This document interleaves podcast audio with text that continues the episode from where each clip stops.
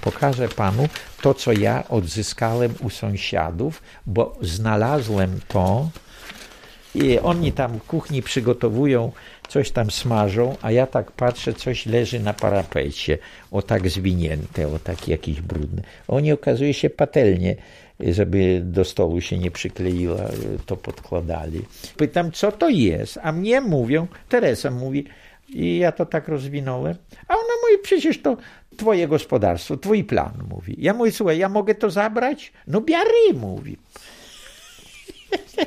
I ja to zabrałem, proszę pana, rozkładam. Co tu jest napisane? Na plutnowanym papierze, ręcznie zrobiony, plan folwarku Julianowo w gminie Kucewickiej, powiecie oszmiańskim, ziemi wileńskiej nie używało się województwa wileńskiego, ziemi wileńskiej. Pomiaru dokonał w 1923 roku i plan sporządził Główny Urząd Ziemski, łączna powierzchnia 60 hektarów 38 arów. I tu są łąki, tu jest ten stawek był i tu ten krzyż stoi, o tu jak się do jedzie tą drogą, Oto jest cała posiadłość nasza była. A o ten budynek to nasz dom. Ludzie, którzy po naszym wyjeździe wpadli do domu, to przecież to wszystko powynosili. Tam kupy innych rzeczy prawdopodobnie gdzieś po ludziach się znajduje, naszych. Zdjęcia, książki, a to czego nie ukradli. Później ta reszta to wszystko spłonęła z tym domem. Nie ma pan żalu do kogoś, że tak się stało? A co z tego, że ja będę miał żal? Proszę pana, a co z tego żalu? Po prostu tak było. Taki był Hitler, taki był Stalin. No, no co z tego, że ja do niego będę miał żal? Co to daje? Repatriant z Wileńszczyzny Bolesław Froński, który na wiosnę bieżącego roku przybył na ziemię warmińską, jest przykładem wzorowego osadnika. Nie brak tu niczego. Inwentarza i ziemi jest pod dostatkiem. Dobytek dzielnego osadnika rośnie z miesiąca na miesiąc tato mój miał wyjeżdżać w tych latach 46-48. No na ziemię odzyskane mieliśmy jechać. Z tym, że taty kuzynka w 47 roku wyjechała, zieleniewscy. Też z tej miejscowości Grodź, bo mój tato pochodzi z miejscowości Grodzie. I oni już byli na zachodzie, nawet korespondencję utrzymywaliśmy z nimi i tak dalej. No i tata w 1948 roku zdecydował. I wiem, że na wiosnę mieliśmy gdzieś w miesiącu marcu chyba wyjeżdżać, żeby tam zdążyć. Jeszcze jakieś tam gospodarstwo pewnie by nam dali, chociaż w ciemno się jechało. No tu dopiero na miejscu przydzielali coś tam. W Zielonogórskie. Tato miał zamówiony nie jeden wagon, tylko dwuosiowe trzy wagony były zamówione na wyjazd stamtąd. Był pomost zrobiony taki z poprzecznymi beleczkami przybitymi, żeby po tym wprowadzić koników, krówki, bo to ze swoim dobytkiem się wyjeżdżało. Jeszcze w zimie tato zamówił z własnej owczyny, uszyli kożuszki nam, trójkę dzieci nas, każdy miał swój kożuszek, bo nie wiadomo jak tam będzie w zimie, czy na tej zachodzie tej Polski. Ja jako młody chłopaczek przysłuchiwałem się rozmowom. Sąsiedzi z Mostwiliszek, sąsiad też miał folwarczek taki 50-70 hektarowy. W Pawlinowie to kolona zbliziusieńko normalnie, takie folwarki były. I wiem, że się spotykali w niedzielę tam przy obiedzie i takie dyskusje różne prowadzili. Czy jechać? No po co jechać? No pojedziemy tam. Przecież tam to są niemieckie tereny. A jak Niemcy wrócą, nas wygonią, to gdzie my wrócimy? A to jest nasze. Że no po co tam pojedziemy? Przecież tu Polska wróci. O takie słowa pamiętam. Może ich zniekształcam dzisiaj, ale sens taki był tych dorosłych ludzi. No i teraz tato się spóźnił przeciągnął to wszystko. I przyszło zawiadomienie z NKWD z Oszmiany, że granica zamknięta. I już wy nie wyjedziecie. Koniec. Miałeś czas, nie zdążyłeś. I myśmy i jego dwaj koledzy, jak mówiłem, z Pawlinowo, z Mostwiliszek i my z Julianowa, myśmy zostali. No, to był 48 rok. No, wszystko się urwało.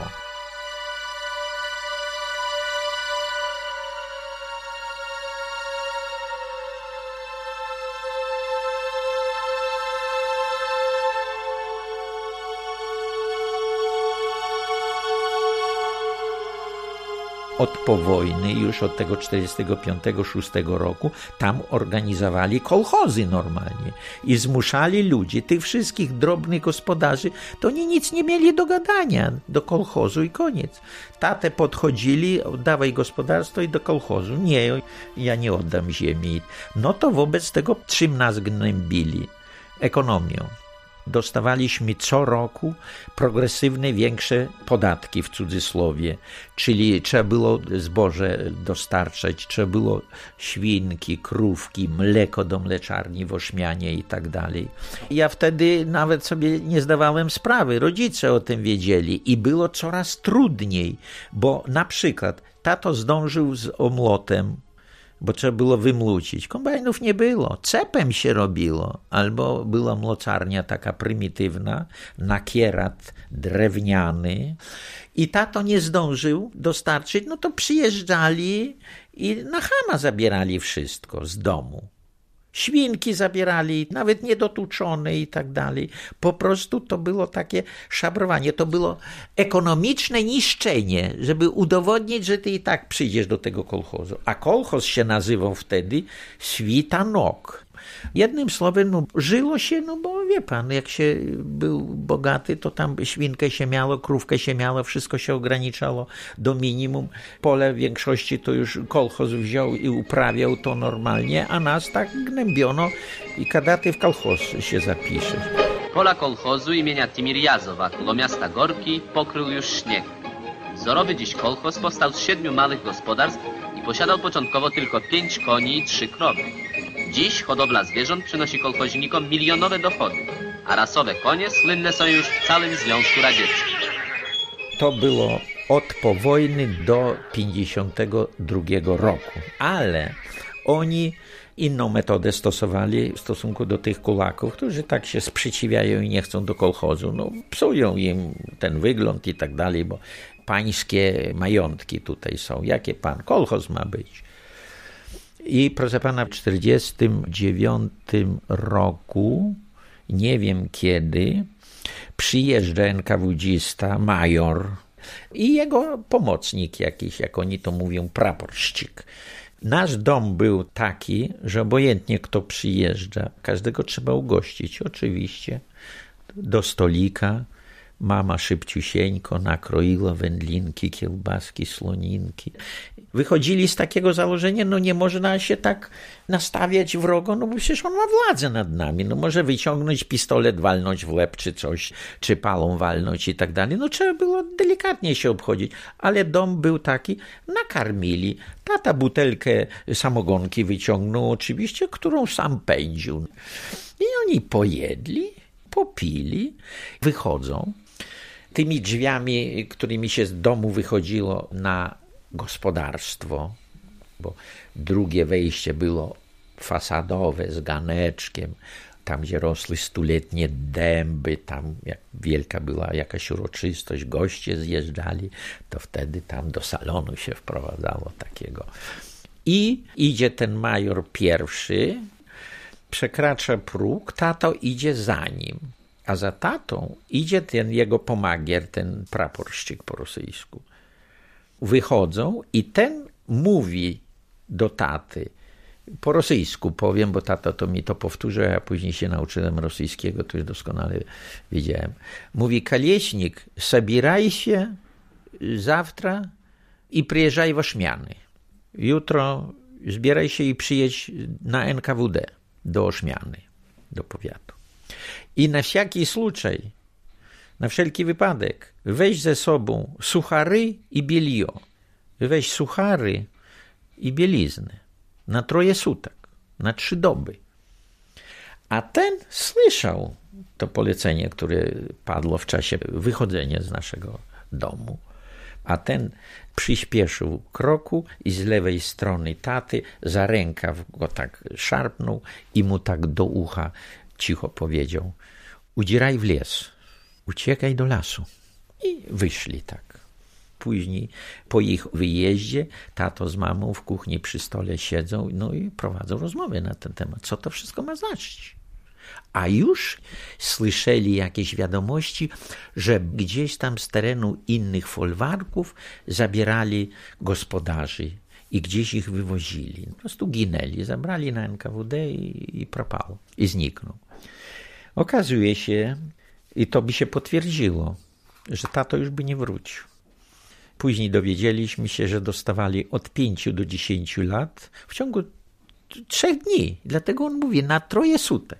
Bo już po trzech dniach załadowali gdzieś już tam, ten rejon nie musiał tam o suchary dla niego się tam martwić. Zresztą oni tam już o życie nie dbali, tylko weź swoje, cholera, za swoje żyj normalnie.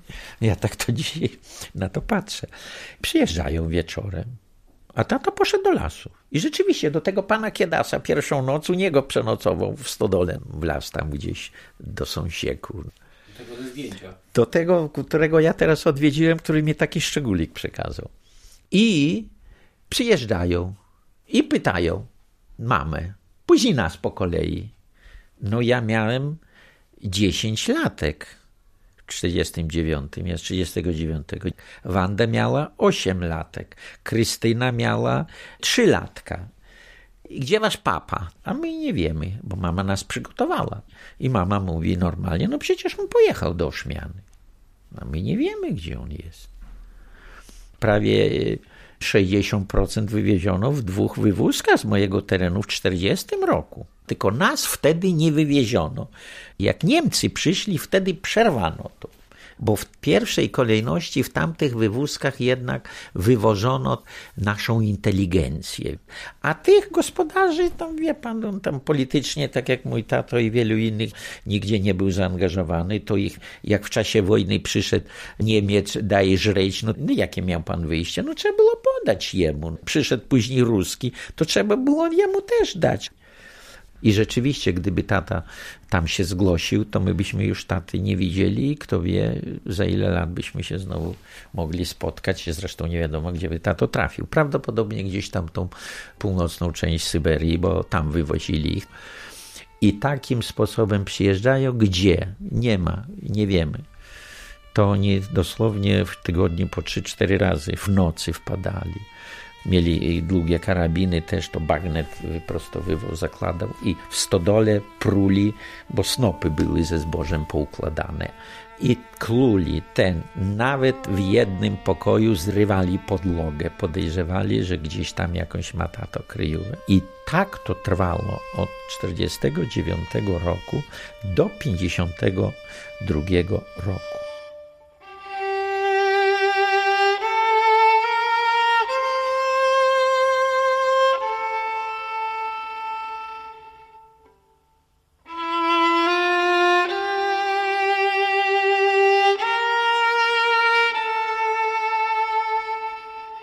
My byliśmy sami. Tato tam prosił różnych znajomych. Miał kryjówki w lesie. Jedną kryjówkę ten pan Kieda, z którego zdjęcie panu tu pokazałem, pokazał mnie. Dół jest, w którym woda stoi. Mówi, słuchaj, to był okop twojego taty. Tutaj twój tato latem siedział. Koszyki, plut, miotły robił, buty reperował ludziom miejscowym ja to zawsze podkreślam, tato musiał być dobrym człowiekiem, kiedy nikt go nie sprzedał z kocowych, a obok przecież wiedzieli ludzie i w tych mostwiliszkach, i w tych powiarzach obok nas. I do 52 tata się ukrywał, nas odwiedzał, w nocy do nas wpadał.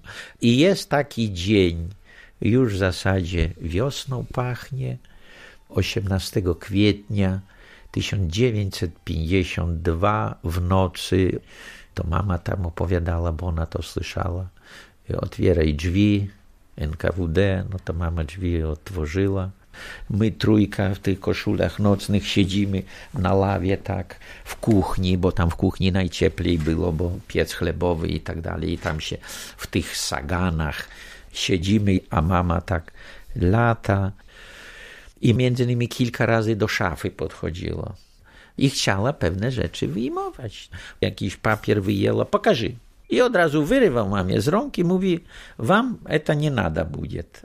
No i mama kilka razy tak podchodziła i tak za pazuchę sobie tutaj. I ten, no to zabierajcie, zabierajcie, a my dziwnie się zachowujemy. Strasznie chyba, bo byłem najbardziej dorosły, bo miałem 13 lat.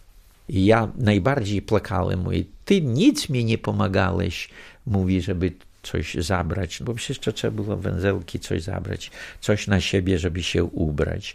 Trzeba było wziąć jakieś bochenki chleba, a to resztę ciepła strawa, nagrzane mieszkanie, wszystko zostało. Krówki, tam koniki, gąski, indyki, kurki, króliki, to wszystko było, świnki, wszystko zostaje. Te korzuszki przygotowane na wyjazd do Polski oczywiście ubraliśmy i jedziemy, zagruzili nas, a pytają, a gdzie tato jest? No nie ma. I mówią tak do mamy, jeśli on tu jest, gdzieś się schował, niech wychodzi, pojedzie razem z wami. A gdzie pojedziemy, dokąd, za co i tak dalej.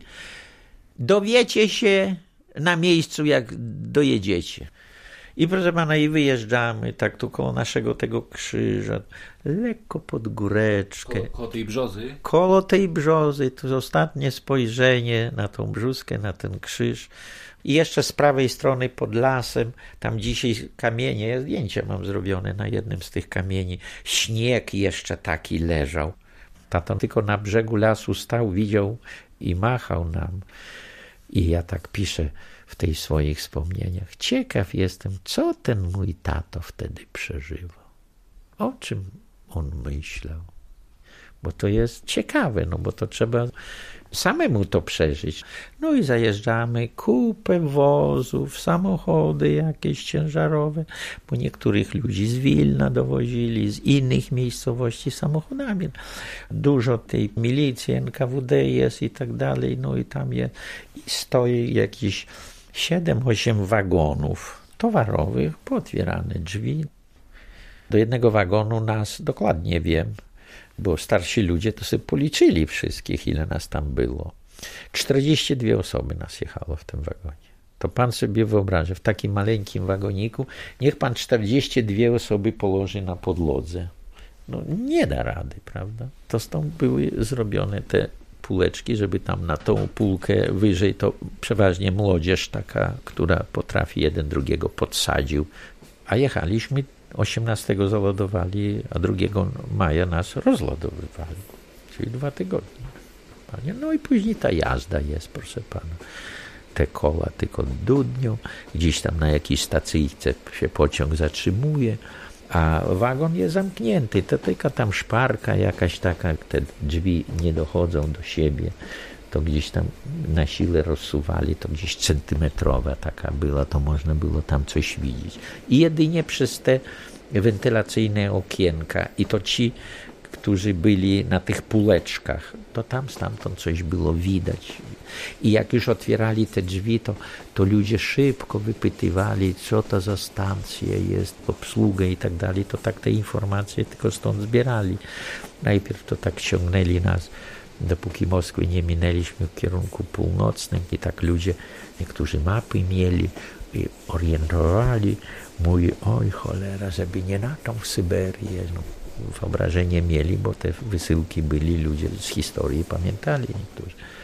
No i w końcu jak Moskwę ominęliśmy łukiem i zaczął pociąg bardziej w kierunku wschodnio-południowym. I wszyscy mówią, no dobrze, już tam się dowiaduje, a to jest taka miejscowość, a nie Areol, a nie, a to już Syberia, to gdzieś niżej schodzimy. No i już jak na stepy Kazachstanu wjechaliśmy, no to już czuliśmy upał w wagonie, gorąco było już poza panem. A pierwsze te widoki, które się różniły od mojej Wileńszczyzny, to ten step pokryty wiosną, najpierw tulipanami, najwięcej koloru czerwonego. Takie były przestrzenie, że jak pan spojrzał, to tam, gdzie niebo się kończy od wagonu, to było tylko czerwień, tylko tulipany. A później tam dalej gdzieś już zaczynały zakwitać maki. Najwięcej tego kwiecia było. No a poza tym już tam widać było koło tych stepów, miejscowości zaludnionych, już osiołki, wielblądy, No i jak nas tam przyjechali, otworzyli rano drzwi, można było zeskoczyć już z tego wagonu po dwóch tygodniach. No i patrzymy, zupełnie inna ludność, inaczej wyglądający, inny klimat dookoła upał.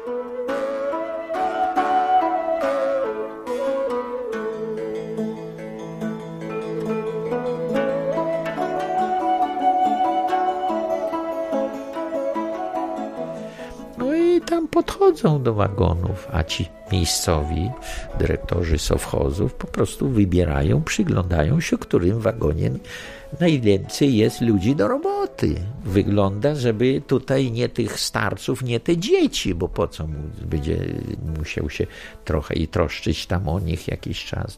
No i ładują na samochody nas chyba cztery rodziny. Tak jechaliśmy jakieś ze dwadzieścia kilka kilometrów w step z tego Kielesu, bo to była stacja kolejowa Kieles, to jest jakieś 50 kilometrów od Taszkentu. I zatrzymali się gdzieś na jakiejś takiej góreczce. Widać, że teren zabudowany jest. No i tam nasi starsi tam poszli zobaczyć. No tutaj będziecie żyć. A tam wyganiają statko oslów Y, z takiego dużego pomieszczenia, a to okazuje się, że to jest suszarnia bawełny tej niedojrzałej a latem tam się osły chowają, bo od temperatury normalnie. Nie, my tu nie chcemy, tu drzew nie ma. Tam co jest, no też tam kolchoz taki jest. No i, i sprzeciwiliśmy się i jeszcze trzy kilometry tam gdzieś daleko widzieliśmy, ale tam jakaś taka kubka drzew rosła. No i nam się to wydało, że to jest chyba będzie lepiej, bo tu nie chcieliśmy. No i nas tam zawieźli. Trafiliśmy do takiego to kolchoz imieni Malenkowa. No Malenkow to jest radziecki przywódca cholera wielkich, partyjny działacz jakiś, tak, przecież tam były przeważnie tak nazywane. No i tam nas osiedlili, dostaliśmy pomieszczenie to glinobitka była, to było murkiem otoczone. Tam kiedyś jakiś kazach miejscowy właściciel to miał. Jeden budyneczek taki był, to wszystko płaskie, takie dachy, kryte gliną, tydzień czasu to spaliśmy na tej ziemi swoje lachy, żeśmy rzucili. Przecież my tam nie dostaliśmy nic. Na trzeci dzień dali nam kartki na chleb. Do sklepu, do magazynu chodziliśmy i dostawaliśmy po bułce chleba tylko. I to wszystko. Poszedłem, szybko się zorientowałem koło bazy mechanizacyjnej tego kolchozu. Różne żelastwo się tam walało.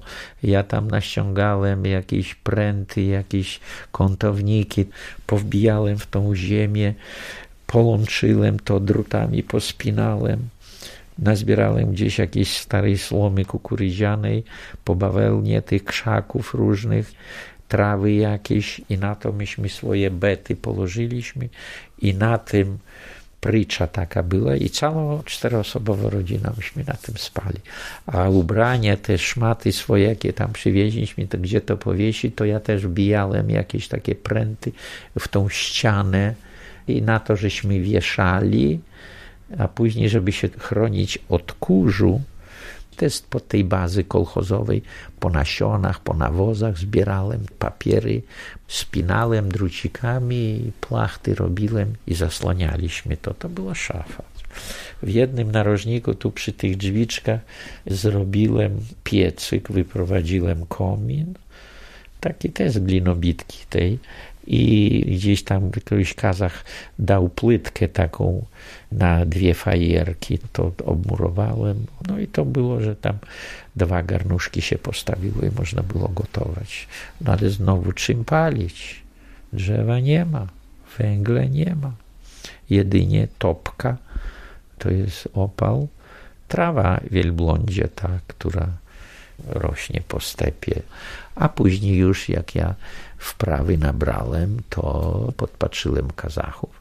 Najlepszy opał to jest zrobiony kiziak, tak się po kazachsku nazywa, z odchodów owczych. I przedsiedatelь kolchozu odwiedził. Macie dwa tygodnie czasu na adaptację, a po dwóch tygodniach do roboty, do kolchozu. No i pamiętam brygadzista ten kolchozowy Rano, gdzieś godzina siódma, on włazi na dach domu swojego.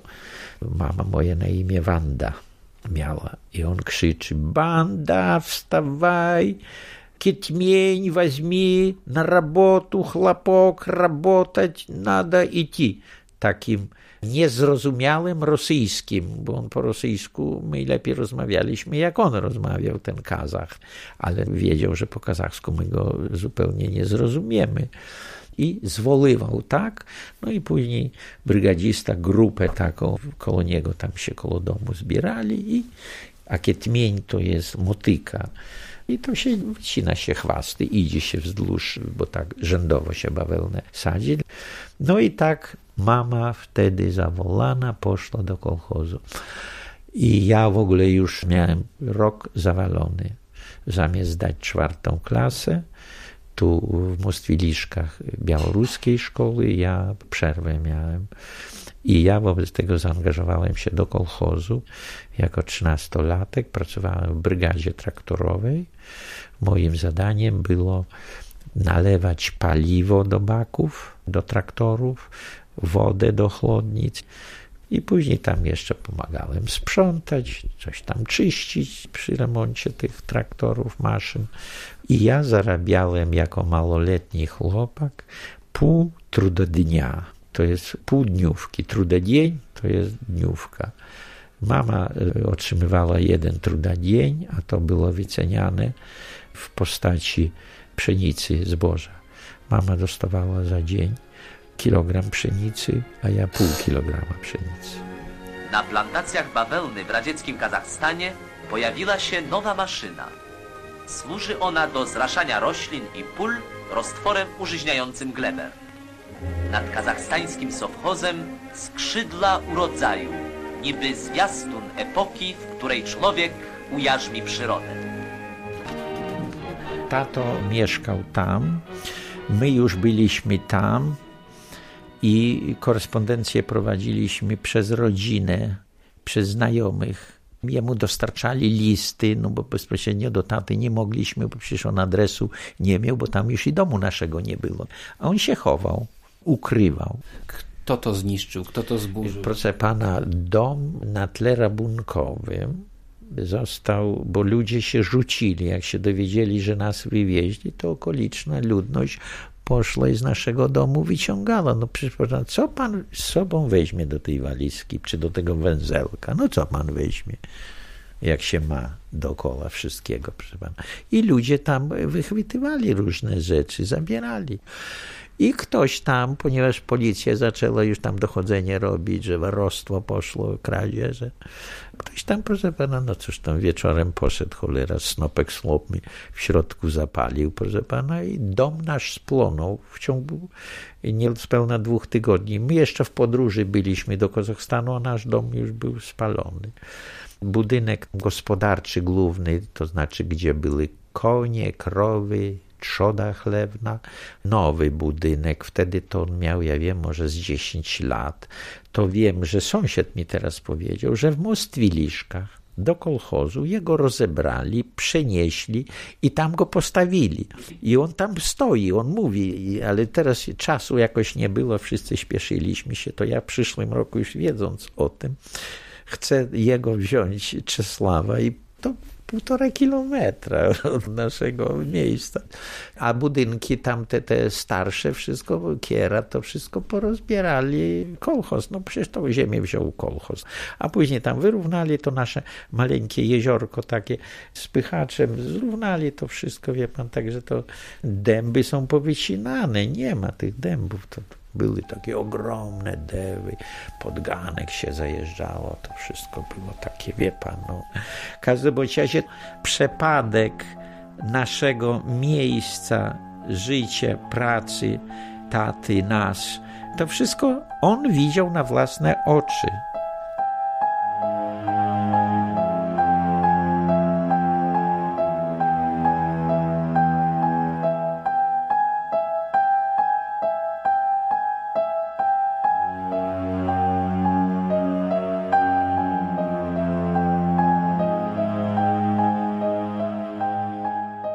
Nieraz dochodziło do takich rozmów, zwłaszcza wieczorem, przy lampie, w tej lepiance, jak siedzieliśmy w zimie.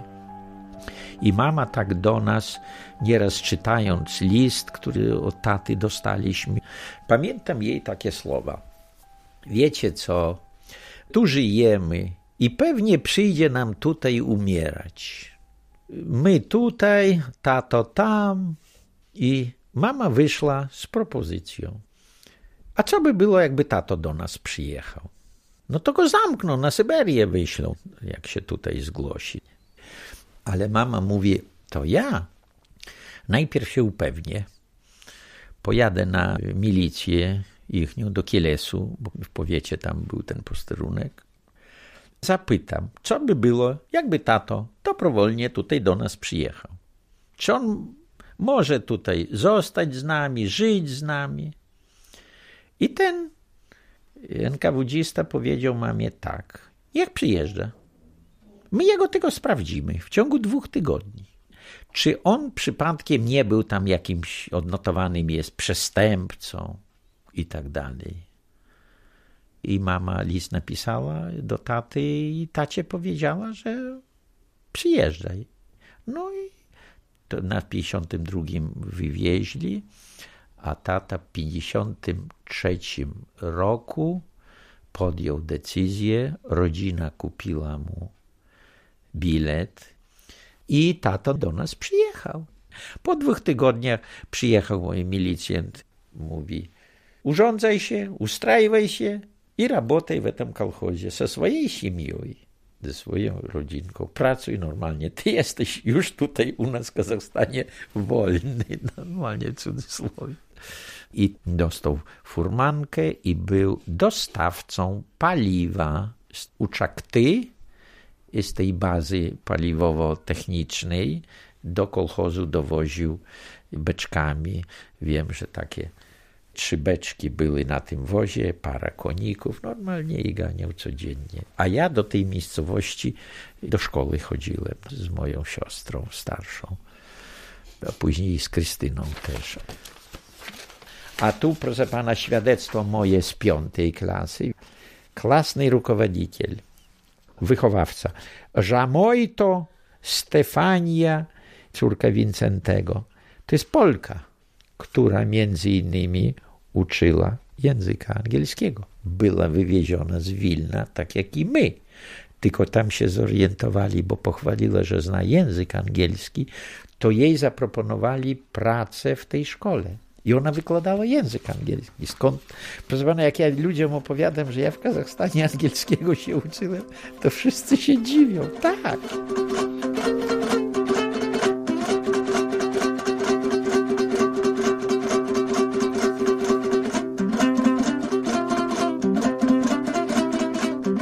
Ja w Kazachstanie przeżyłem kurzą ślepotę. Ja dwa lata byłem na wiosnę ślepy.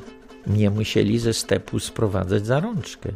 Zachód słońca, ja byłem, nic nie widziałem.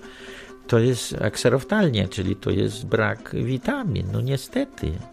Tam się lepioszkę trzeba było jeść, kukurydzę i ten, ale witamin, żadnych warzyw, zwłaszcza przez pierwszy rok. Później myśmy dostali chyba trzy ary, działeczkę taką nawadnianą, to już zaczęliśmy uprawiać, i ogóreczki, i melony, przede wszystkim melony.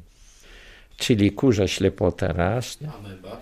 No ameba jakaś, to znaczy, ja zresztą nie wiem, jak ta choroba się tam nazywała. W każdym razie ja mnie sparaliżował. Nogami nie ruszałem. Mama o godzinie 12 przychodzi z pola bawełny siada na brzegu tego i bierze ściereczkę, wyciera pot z czoła, tak przysiadła i mówi, wiesz co synu, a ja już chyba za dwa tygodnie leżałem obezwodniony. Mówi, pojedziemy do Kielesu, do lekarza. A ja do mamy mówię, mama, ja nic nie chcę, nie chcę do żadnego lekarza. Ty pójdź, pochodź po tym kiszlaku, tutaj po tych znajomych Kazachach, Polakach, Uzbekach, Niemcach, Czeczeńcach i poszukaj. Może znajdziesz chociaż cztery kartofelki, ugotuj mnie. Ja nie chcę lekarza. Nie wiem, co to znaczy dzisiaj, jak do tego podchodzić. Chciałem kartofelka zjeść. I wiem, że przeszło mi gdzieś po sześciu tygodniach. Nie wiem, jakim cudem, co, może coś tam zaskoczyło. No. A to jest już w Polsce zdjęcie tam Zielonogórskim zrobione w Łąkach. To jestem ja, widzi pan, tato, mamunia, Wanda, Krysia. Ta zmarła w wieku 48 lat, ta w wieku, o teraz dwa lata temu. I ja jestem po raku, tata po raku, mama cała stuprocentowa rodzina jest rakowa. I ja z tego tytułu po prostu się tak zastanawiałem, skąd to się. A wśród tych naszych sąsiadów, z którymi tam byliśmy, większość ich poumierało na raka. Ja natomiast chodząc, bo mam internet w domu, po tych stronach chodzę, Sołd, Kazachstan, tam na ten południowy wlazłem i między innymi jest krótki taki zapis, że w południowym tym Kazachstanie, w którym byliśmy, w stepie głodnym, w latach 50. Rosjanie prowadzili doświadczenia z bombą atomową. I jest takie stwierdzenie. Najbardziej w tym okresie ucierpiała tam mieszkająca ludność. A myśmy w tych latach 52-56 byliśmy. Także proszę pana, czy to jest po prostu moja jakaś taka myśl jest, ale wie pan, tego nie można potwierdzać. Ale coś chyba w tym jest.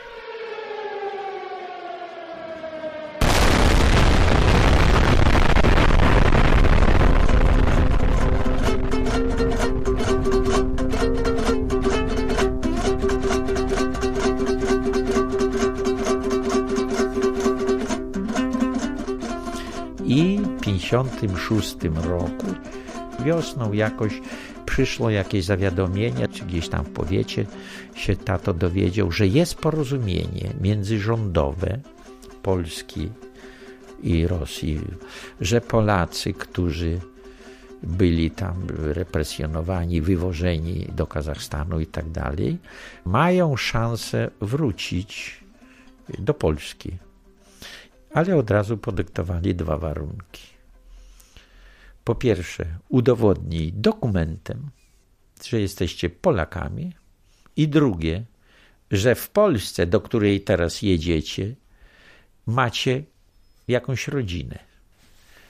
A ponieważ, jak ja panu mówiłem, mojej mamie udało się przemycić. Między innymi panu nie skończyłem wtedy, jak mówiłem, jak z szafy mama różne rzeczy podchodziła, chciała wziąć. Ona wiedziała co. Ja dopiero później się dowiedziałem, jak rodzice opowiadali. Ona wyciągnęła książeczkę wojskową mojego ojca. Zresztą ja panu przeczytam. O tu, ona jest tu wymieniona, ta książeczka. To jest karta repatriacyjna jako w Grabanowie koło Białej Podlaskiej na punkcie repatriacyjnym żeśmy dostali, to mój tatunio. I tu, proszę pana, jest taki zapis. W latach 1927-29 w Wojsku Polskim stopień kapral. I ten dokument mama przemyciła. To była podstawa a koperty, listy z Polski, koperty z pieczątkami tam, Świebodzin, Urząd Pocztowy. I to wystarczyło. Te papiery złożyliśmy, dali nam dokumenty. Tam nawet w dokumencie jest powiedziane, do kiedy mamy, chyba do końca września mamy opuścić terytorium Kazachstanu. Wszystko to tam mieliśmy, jakieś tam imienie, coś tam zdobyte, 4,5 roku mieszkając w Kazachstanie. Opyliliśmy, pieniążki na bilety były, bo musieliśmy za własne pieniądze kupić bilety aż y, do Terespola. O tu niech pan spojrzy, to są te moje dwie siostrzyczki w 56 roku przed wyjazdem. To szesnastoletnia, niech pan zobaczy na nóżki, sweterek sama tam zrobiła w Kazachstanie. Jak wygląda? Czy dzisiaj szesnastoletnia dziewczynka tak wygląda? Chudziutkie te nóżki. Czy tam było tak dobrze, że tak wyglądały? Mimo, że to było po wojnie. Takim sposobem, proszę pana, siedliśmy pociąg, zamówiliśmy bilety, już jechaliśmy pociągiem, jak to mówię, w spalnych wagonach czasowo zamieszkaliśmy w parku w Białej Podlaskiej. Nas tam zatrzymali, rozmieścili, dostaliśmy spanie, pokoik, proszę pana, rodzinkę, żeby się zaklimatyzować, przygotować tych ludzi do wyjazdu do miejsca przeznaczenia. No mieliśmy my tu naznaczone i tam jechaliśmy na zachód Polski do Józefy Zieleniewskiej, kuzynki mojego taty. I tutaj byliśmy chyba gdzieś chyba z 10 dni w Białej Podlaskiej. I ja pamiętam z kolegą swoim Klemensem Stelmachem, wyszliśmy na miasto. Przechodzimy obok sklepiku, a tam na witrynce za szybą wystawiony jest chlebek, rogaliki, buleczki, pączki. I ja do niego tak mówię, ponieważ po rosyjsku rozmawialiśmy. Klemens, Ты посмотри, как здесь в Польше хорошо живется. Здесь даже черного хлеба нет. Jak tu w Polsce dobrze się żyje. Tu nawet czarnego chleba nie ma. I to te przez siedemnastolatka wypowiedziane słowa do dziś dnia ich pamiętam, po prostu utkwiły mnie. Takie to wrażenie, wie pan, robi. No i co, proszę pana, pojechaliśmy tam do Zieleniewskich, zatrzymaliśmy się u nich. Oni tam duży taki dom mają, duże gospodarstwo. No i trzeba się rozglądać. Proszę pana, w 56 już gospodarstwa wszystkie były pozajmowane, już nic tam nie można było, bo ci zaburzacy pozabierali, a na reszcie tej ziemi to powstały pagiery nasze, proszę pana. No i gdzieś tam po sąsiedzku, trzy kilometry, był pagier Chociule, tam po niemiecku Koclau, na zachód, koło tego Świebodzina, gdzie ten Chrystus taki tam jest ustawiony. Pojechaliśmy tam, tato porozmawiał z tym dyrektorem i tak dalej, czy jest, a no jest miejsce, a mamy takie mieszkanko, mówi nieduże, ale wasza rodzinka się zmieści. I tam dostaliśmy taki jeden pokoik z kuchenką, komfortu tym tam żadnego nie mieliśmy, ale byliśmy u siebie i zaczynaliśmy swoje budować u siebie zdobywać wykształcenie. My, rodzice, mieli tą pracę, żeby na ten chlebuś zarobić. I człowiek nie wymagał nic takiego wielkiego. To, co przeżyliśmy, to na pewno było straszne dla rodziców, bo starsi ludzie to inaczej to znoszą, a dzieci to inaczej znoszą. I ja dlatego może tak te traumy, no cóż, no byłem chory, no leżałem, no ale to przeszło jakoś. I dobrze, że żyję. I szczęśliwy jestem przez to, proszę pana.